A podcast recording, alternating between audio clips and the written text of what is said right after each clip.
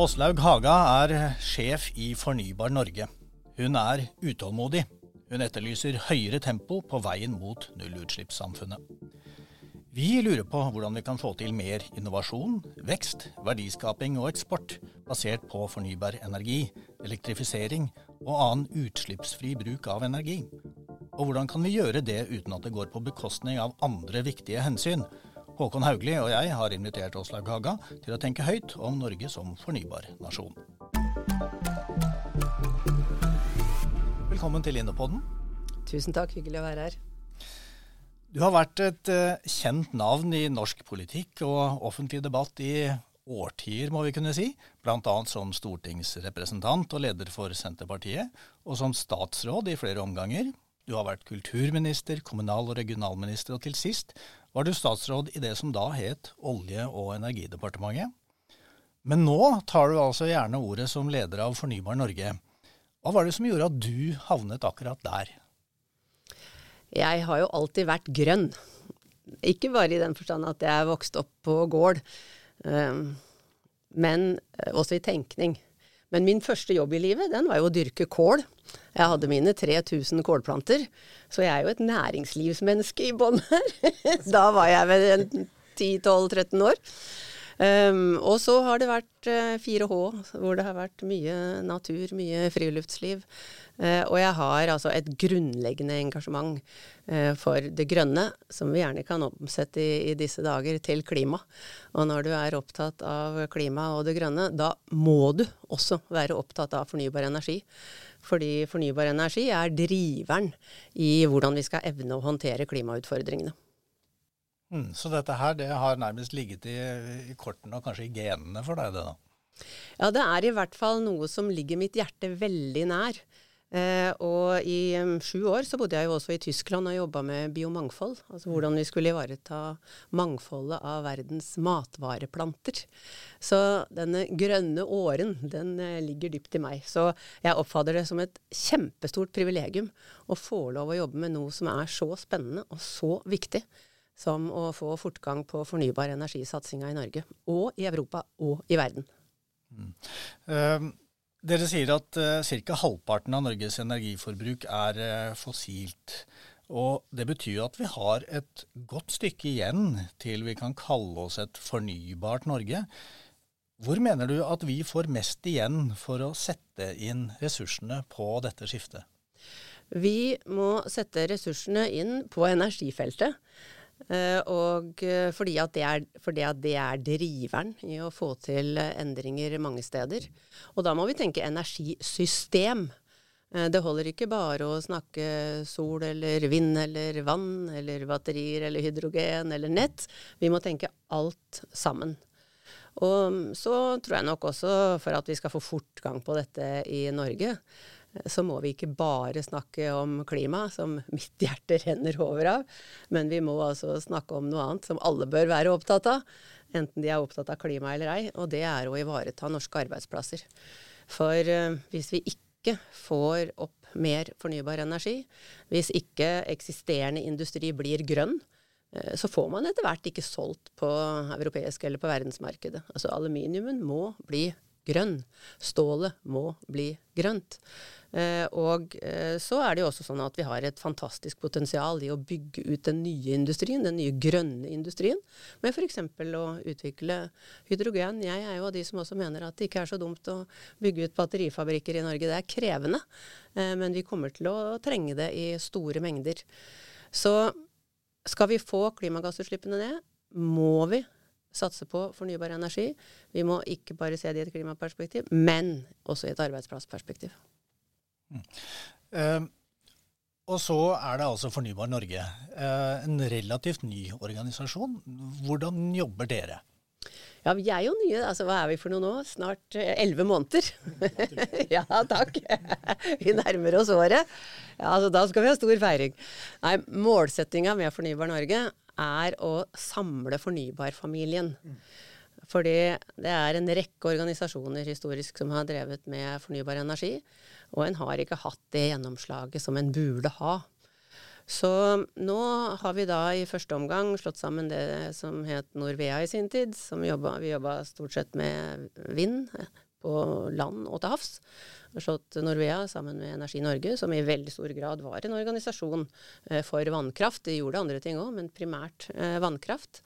Så nå jobber vi sammen eh, tett, vind og vann. Og så håper vi etter hvert at vi også får andre teknologier med oss. Vi har allerede samarbeidsavtaler med, med Solkraftforeningen, med Hydrogenklyngen, med Nobio osv. Eh, småkraft, ikke å få glemme. Og også på nettsida utvikler vi samarbeidet. Nett har jo alltid vært en del av det gamle Energi i Norge. Eh, nå har vi også samarbeidsavtaler med Distriktsenergi f.eks.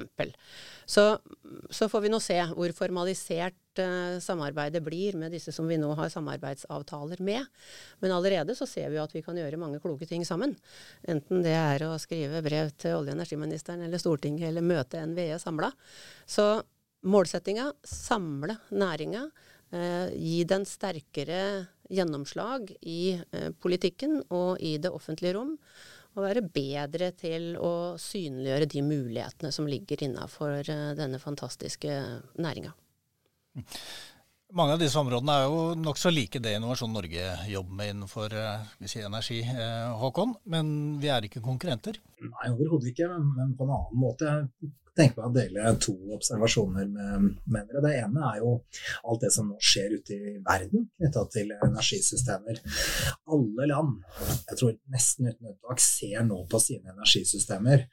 Og veldig mye av det handler om å legge om fra store nasjonale systemer med ofte én eller få kraftkilder, til desentrale systemer med eh, lokal produksjon av fornybar kraft som på en eller annen måte lagres og distribueres og så tas videre. Og dette er en, en revolusjon egentlig i kraftsystemer. Og da, Den andre observasjonen er jo Norge da, som en stormakt innenfor alt som har med energi å gjøre. Liksom 120 års eh, vannkraftserfaring, 70 år med olje og gass. Vi er ledende i verden verden på solkraft. Det tror jeg mange ikke vet at vi er. Og vi har kompetanse på bølge, vind osv. Så, videre. så i sum, da, og i tillegg kan vi masse om overføringer og systemer. Eh, energisystemene i stort.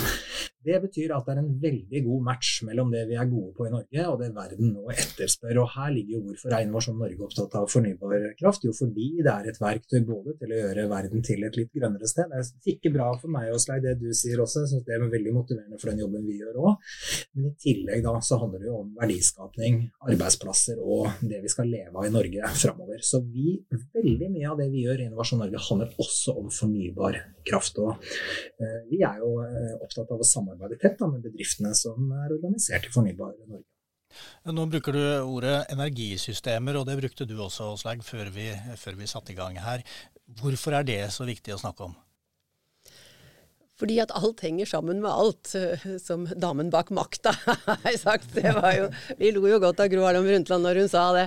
Eh, men på mange områder så stemmer jo det. Og ikke minst på energifeltet framover. Eh, for som Håkon sier, vi, vi trenger mangfoldet av eh, energikilder. Vi må bruke de mulighetene vi har. Altså det skal produseres så fenomenalt mye mer eh, fornybar energi fremover. Um, og jeg kunne sagt fenomenalt mye mer energi, men den må jo altså være grønn. Det. Um, det å fase ut olje og gass kommer jo til å være enormt krevende, men det bare må gjøres. Og da må vi bruke alle kilder vi har. Og så har vi jo vært vant til disse gigasystemene. Sånn som i Norge så har vi basert oss stort sett på vannkraft, og det har gått strålende. Og det er jo en fenomenal ressurs som vi skal ha med oss framover. Men nå skal vi jo ikke minst bruke vannkrafta til å regulere de mer væravhengige energikildene, som sol og vind. Så vannkrafta kommer jo bare til å få enda større verdi. Eh, men det kommer til å bli flere kilder. Og det er også veldig spennende at vi skal få opp mer lokal produksjon. Uh, og i tillegg til alt dette her, så skal jo folk uh, ha muligheten til å bli mye smartere i uh, sitt daglige virke. Vi kommer til å bruke strømmen helt annerledes framover. Og vi skal energieffektivisere masse. Eh, så det er liksom en, et hav av problemstillinger som går inn i dette med energisystem.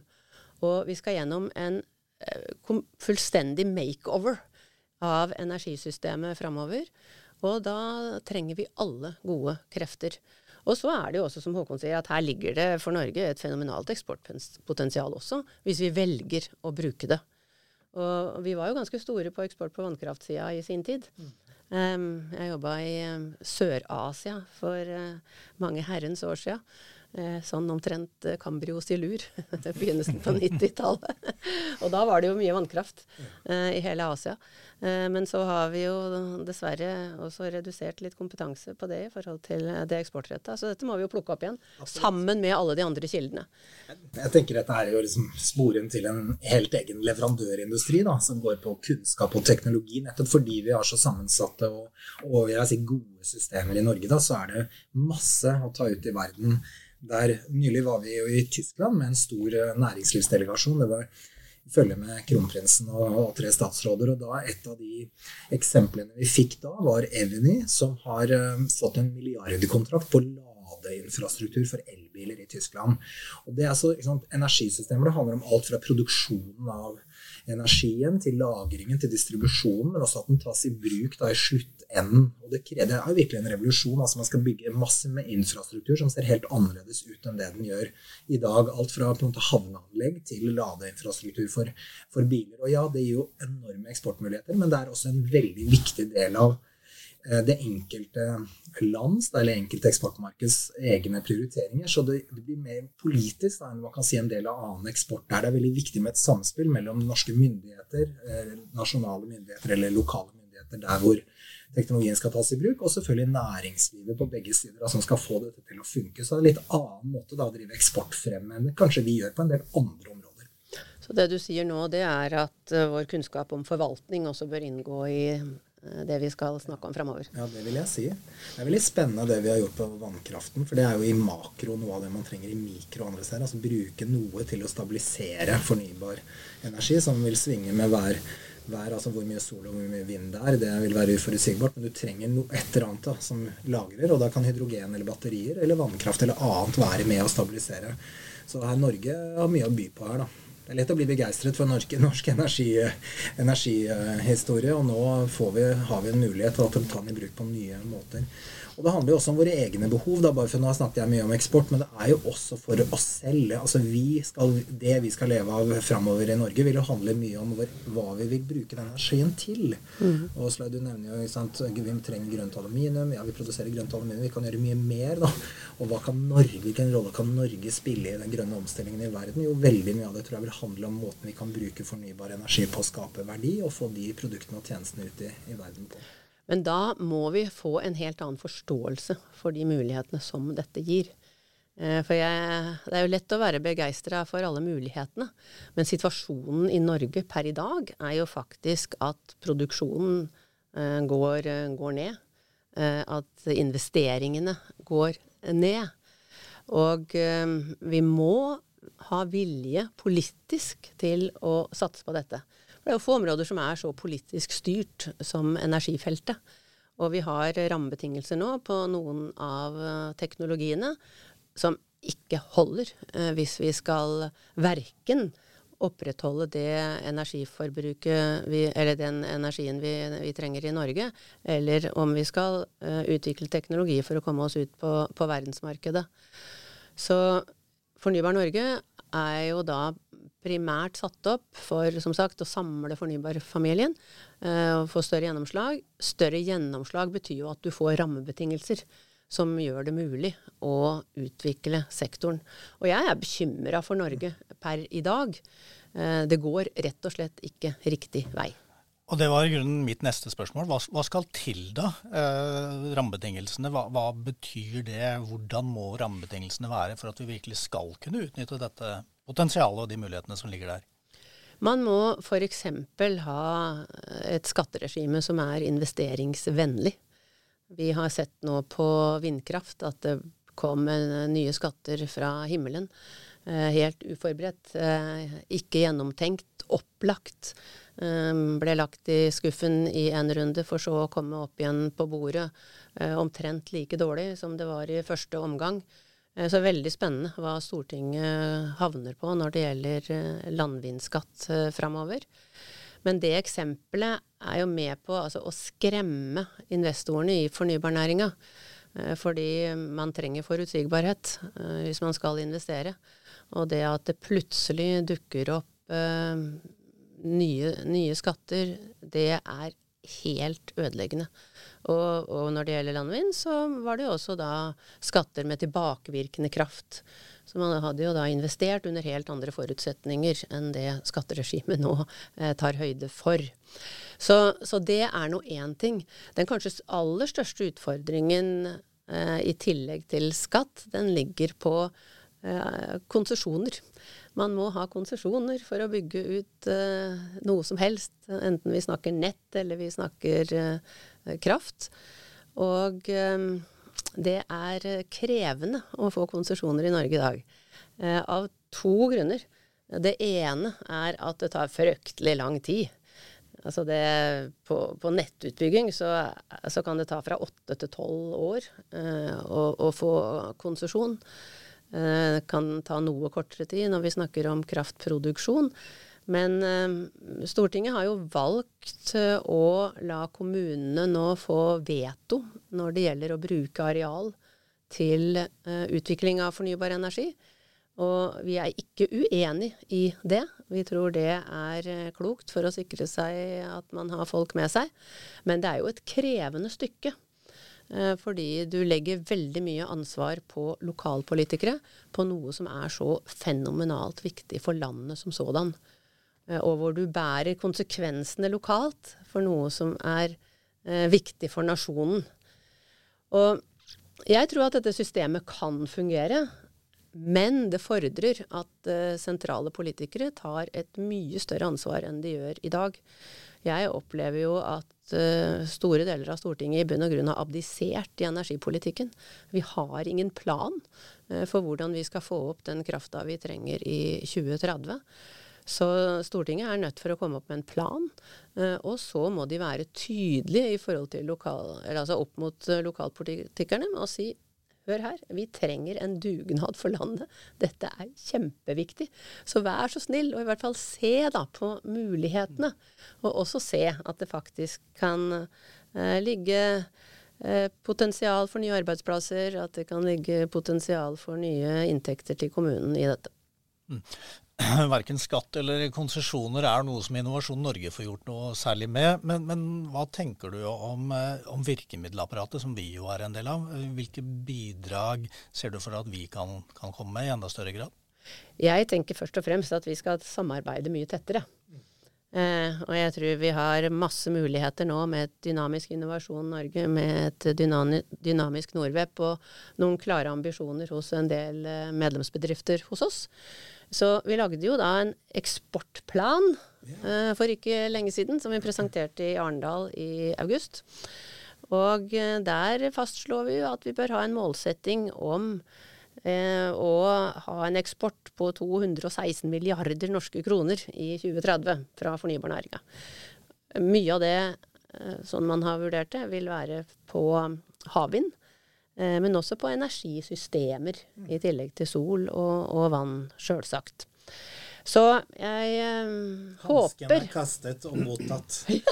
ja, ja det, jeg, jeg, tror eh, Altså, du vet denne, denne kraftsektoren har jo i perioder vært eh, noe innadvendt, tror jeg man kan si. Eh, men jeg opplever også at det er en stor vilje til å tenke større, og, og også å tenke utenfor landets grenser.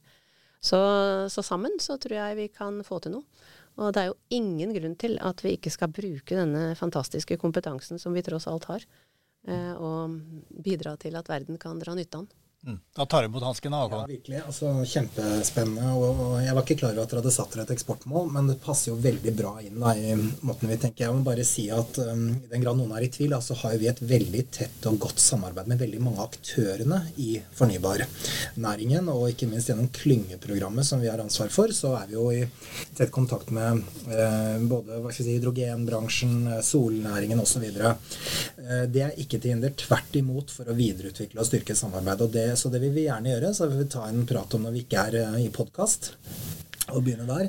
Eh, og jeg tror som sagt det er veldig mye vi kan gjøre da innenfor de rammer vi, vi opererer med. Eh, og ikke minst, og det må vi minne hverandre på, det er en etterspørsel ute i verden nå som er helt unik. altså Bare for å ta et viktig land som Tyskland, som har jo egentlig kastet om på energipolitikken sin helt grunnleggende pga. Krigen i Ukraina. og det, det har to konsekvenser. Det ene er at det øker importen av norsk gass. Men det andre det gjør, det øker farten i det grønne skiftet i Tyskland. Og det er bare ett av veldig mange eksempler da, på at dette skjer. Det samme skjer i Nord-Amerika, Nord både på østkyst og vestkyst. Det skjer i mange land i Asia.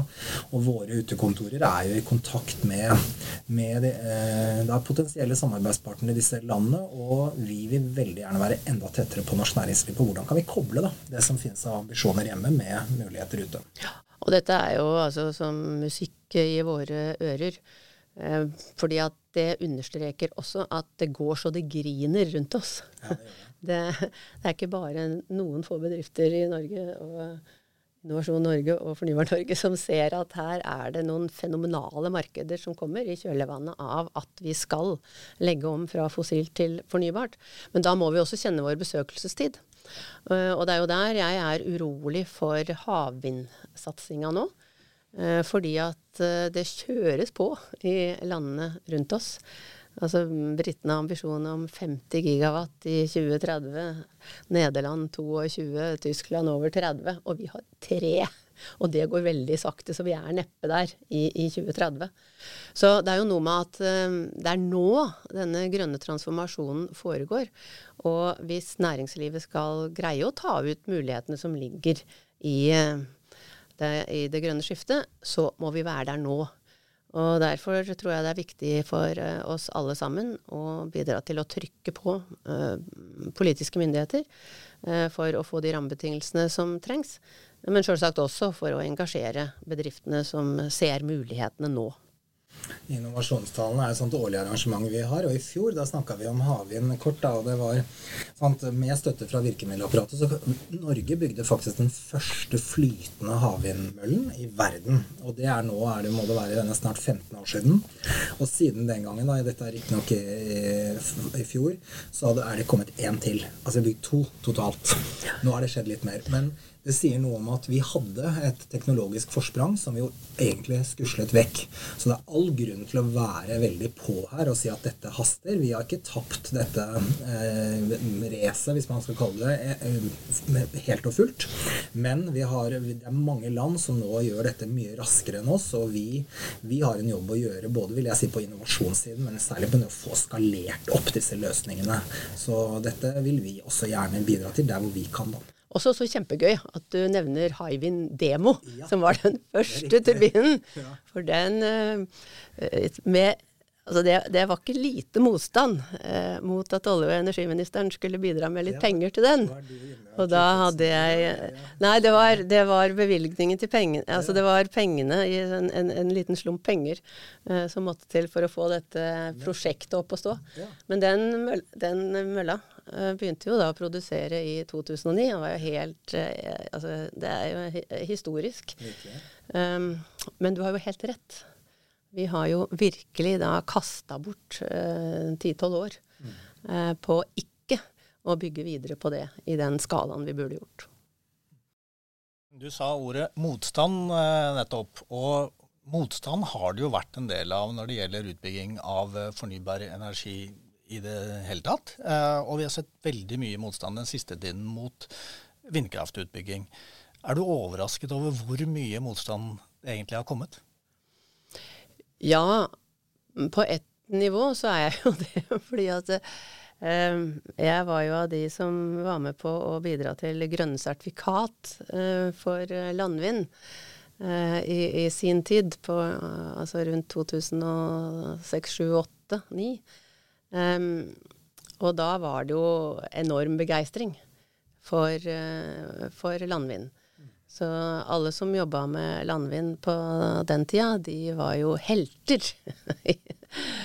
og så Det har ingenting med saken å gjøre, men så flytta jeg til utlandet og var i Tyskland og Italia i nesten ti år. Og når jeg kom, kom tilbake, så var jo alle som jobba med landvind, de var jo på grensen til skurker, sånn det framsto i det offentlige rom. Eh, så det er jo fascinerende hva som skjedde i den fasen. Um, en del av det kan forklares med at um, i hvert fall etter 2015 så, så, kom veldig mye produksjon veldig raskt. Uh, det var ting i konsesjonssystemet som ikke var bra. Ikke uh, Søknader kunne ha ligget gjennom et par kommunestyrer, så det var liksom bestefar som hadde gitt konsesjon. Og så var det en ung, dynamisk mor som satt i kommunestyret på den tiden hvor det faktisk skulle bygges, og sånt går jo ikke. ikke sant? Og møllene var blitt 100 meter høyere i mellomtida. Så, så, det var jo noe med den prosessen som ikke var perfekt, som vi har tatt lærdom av. Um, men jeg tror jo at det er noe av historien her som er med på å på å ha skapt den motstanden som vi ser i stor grad uh, i dag. Men nå er det jo gjort veldig mye når det gjelder landvind.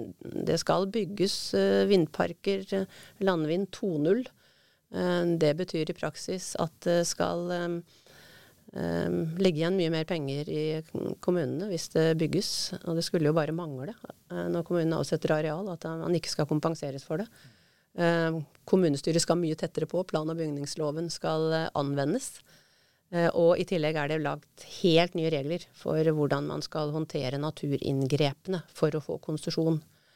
Så mm, de vindparkene som blir bygd framover, de blir bygd annerledes enn mange av de parkene som er bygd tidligere, så hører det jo med til historia at av de 64 parkene eller hva vi har, så er det jo noen det har vært bråk om. Veldig mange har det ikke vært mye eh, bråk rundt. Eh, og vi ser jo også at en del av parkene nå, det har virkelig gjort det mulig for folk å komme seg ut i områder som de aldri har vært ute i før. Eh, så det er jo en, et, eh, altså det er jo blanda erfaringer rundt omkring med det å ha eh, vindparker. Men vi må bare erkjenne at det er eh, stor motstand. Og vi må snakke om de mulighetene som, som, ligger der ved å satse på landvind. Og ikke minst får vi snakke om hva som skjer hvis vi ikke bygger landvind. Fordi at før 2030 eh, så har vi i bunn og grunn ikke så mange andre muligheter enn å bygge landvind hvis vi skal ha mer kraft i stor skala. Og nå kjører vi altså med eh, politisk viten og vilje mot et mye strammere kraftmarked, og kanskje kraftunderskudd i 2027-2028. Og det har konsekvenser. Altså det har konsekvenser for pris eh, på strømmen. Det har konsekvenser for næringsutvikling, eh, enten vi snakker gammel industri eller ny industri. Så det snakkes jo altfor lite om OK, det er greit, det. At altså, vi liker ikke landvind, og vi liker ikke store arealer med sol, og vi liker ikke det ene, og vi liker ikke det andre. Men OK, hva er konsekvensen av ikke å gjøre noe? Det må vi snakke mer om. Ja, dette, jeg tenker at vi, Det er ikke noen sånn enten-eller-situasjon, dette her. Vi må gjøre veldig mange ting. Det skal åpenbart ikke bygges eh, landvind eller for den saks skyld settes opp solcellepaneler overalt, men vi må bygge ut mer eh, fornybar kraft. Vi må ha gode prosesser rundt det. Og så må vi spare strøm. Vi må ha gode tiltak, enøk-tiltak. Norge har vært god på det, kan bli god på det, og det kan til og med eksporteres, bare for å skyte inn det som en fotnote. Antok du kom til å nevne det også. Ja, ja, som et eget område. Og det bør du. Ja, ja. Og så må vi, må vi, være i forkant på innovasjon hele veien. Vi må være, vi må være et land som, som, hele veien tenker hvordan kan vi både anvende kraften på en fornuftig måte, og hvordan kan vi fornuftigst mulig måte, og hvordan kan vi uh, være i forkant og produsere varer og tjenester som verden etterspør på dette området. Dette er et, tenker jeg, det helt åpenbare området for alle debatter om hva vi skal leve av etter oljen. Da skal vi si dette er liksom nummer én. Det er det som ligger i energisystemrådet fornybare. Her har vi en, en, en, noen fortrinn som ingen andre i verden har. Og vi har noe fenomenal teknologi som verden virkelig trenger. Altså kan ta et område som nett. Altså det hjelper på et vis ikke hvor mye vi produserer hvis vi ikke greier å få frakta denne krafta. Eh, og i løpet av de neste ti åra så skal det bare i Norge eh, sannsynligvis bygges dobbelt så mye nett i forstanden at vi må ha eh, dobbelt så mye kapasitet i nettet. og så viser det seg jo da at Norge sitter på teknologi som gjør at vi i hvert fall kan redusere denne veksten med 30% og det er norske bedrifter som besitter den teknologien. Og det handler jo om at vi velger å ta den i bruk i Norge. Eh, ta den investeringen som det måtte være og du sletter tid. Eh, her må det jo være et fenomenalt eksportpotensial. Så det er jo dette vi skal snakke om. Ja, dette er så, jeg blir veldig ivrig, merker jeg. Det er jo selskaper som eh, kraftig reduserer svinnet i overføringskapasitet ved bl.a. bruke droner. ikke sant? Denne type avansert teknologi, det er ingen andre land som kan dette like godt som det vi kan i Norge. Så her kan vi rakrygget uh, gå ut i verden og, og markedsføre uh, produkter og tjenester som, eh, som, vi vet de virkelig trenger andre steder. Og Da kan vi jo avslutte denne Innopoden som uh, ordentlig fornybare energioptimister uh, alle tre. Takk skal du ha for at du var med oss, Åslaug Haga, leder i Fornybar Norge. Og takk til Håkon Haugli. Mitt navn er Kjetil Svorkmo Bergman. Vi høres igjen i Innopoden.